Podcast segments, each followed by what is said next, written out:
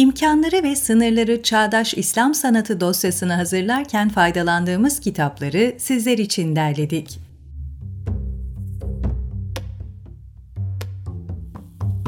Şenlikname Düzeni Sezer Tansu Sezer Tansu, en önemli eseri sayılabilecek adeta bir kült haline gelmiş, yayınlandığı günden bu yana sürekli polemik konusu olmuş şenlikname düzenini 3. Murat Surnamesi minyatürlerinden hareketle kaleme alır. Kitap, öne sürdüğü tezle çığır açıcı bir keşfi ortaya çıkaran, bugün de sanat tarihi literatürümüzdeki önemini yitirmeyen temel bir metindir.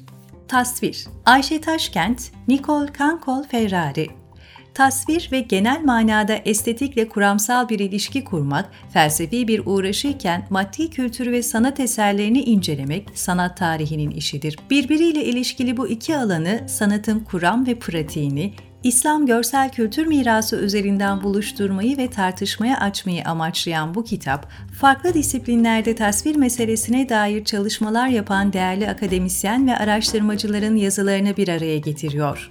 İslam ve Çağdaş Sanat Hasim Cabrera, çeviren İbrahim Ayberk.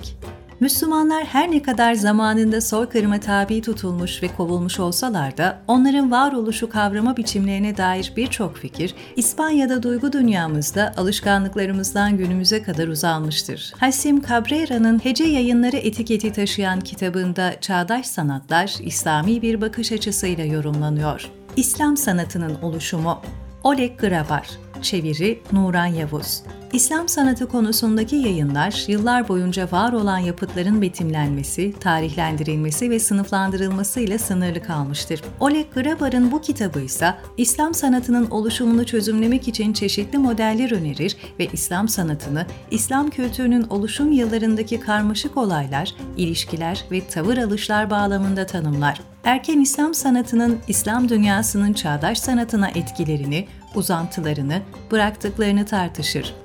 Doğuda ve Batıda Kutsal Sanat Titus Burkhardt Çeviri Tahir Uluç Kutsal sanatın nihai amacı duyguları harekete geçirmek veya izlenimleri karşı tarafa aktarmak değildir. Kutsal sanat bir semboldür ve bu bakımdan basit ve fıtri araçları kullanır.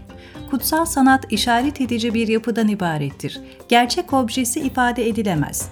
Benzetmelerde yaratılışa, ilahi sanata dayanmak ve onu kullanmak suretiyle kutsal sanat alemin sembolik tabiatını gösterir ve böylece insan ruhunu kaba ve geçici olgulara bağlılığından kurtarıp özgürleştirir.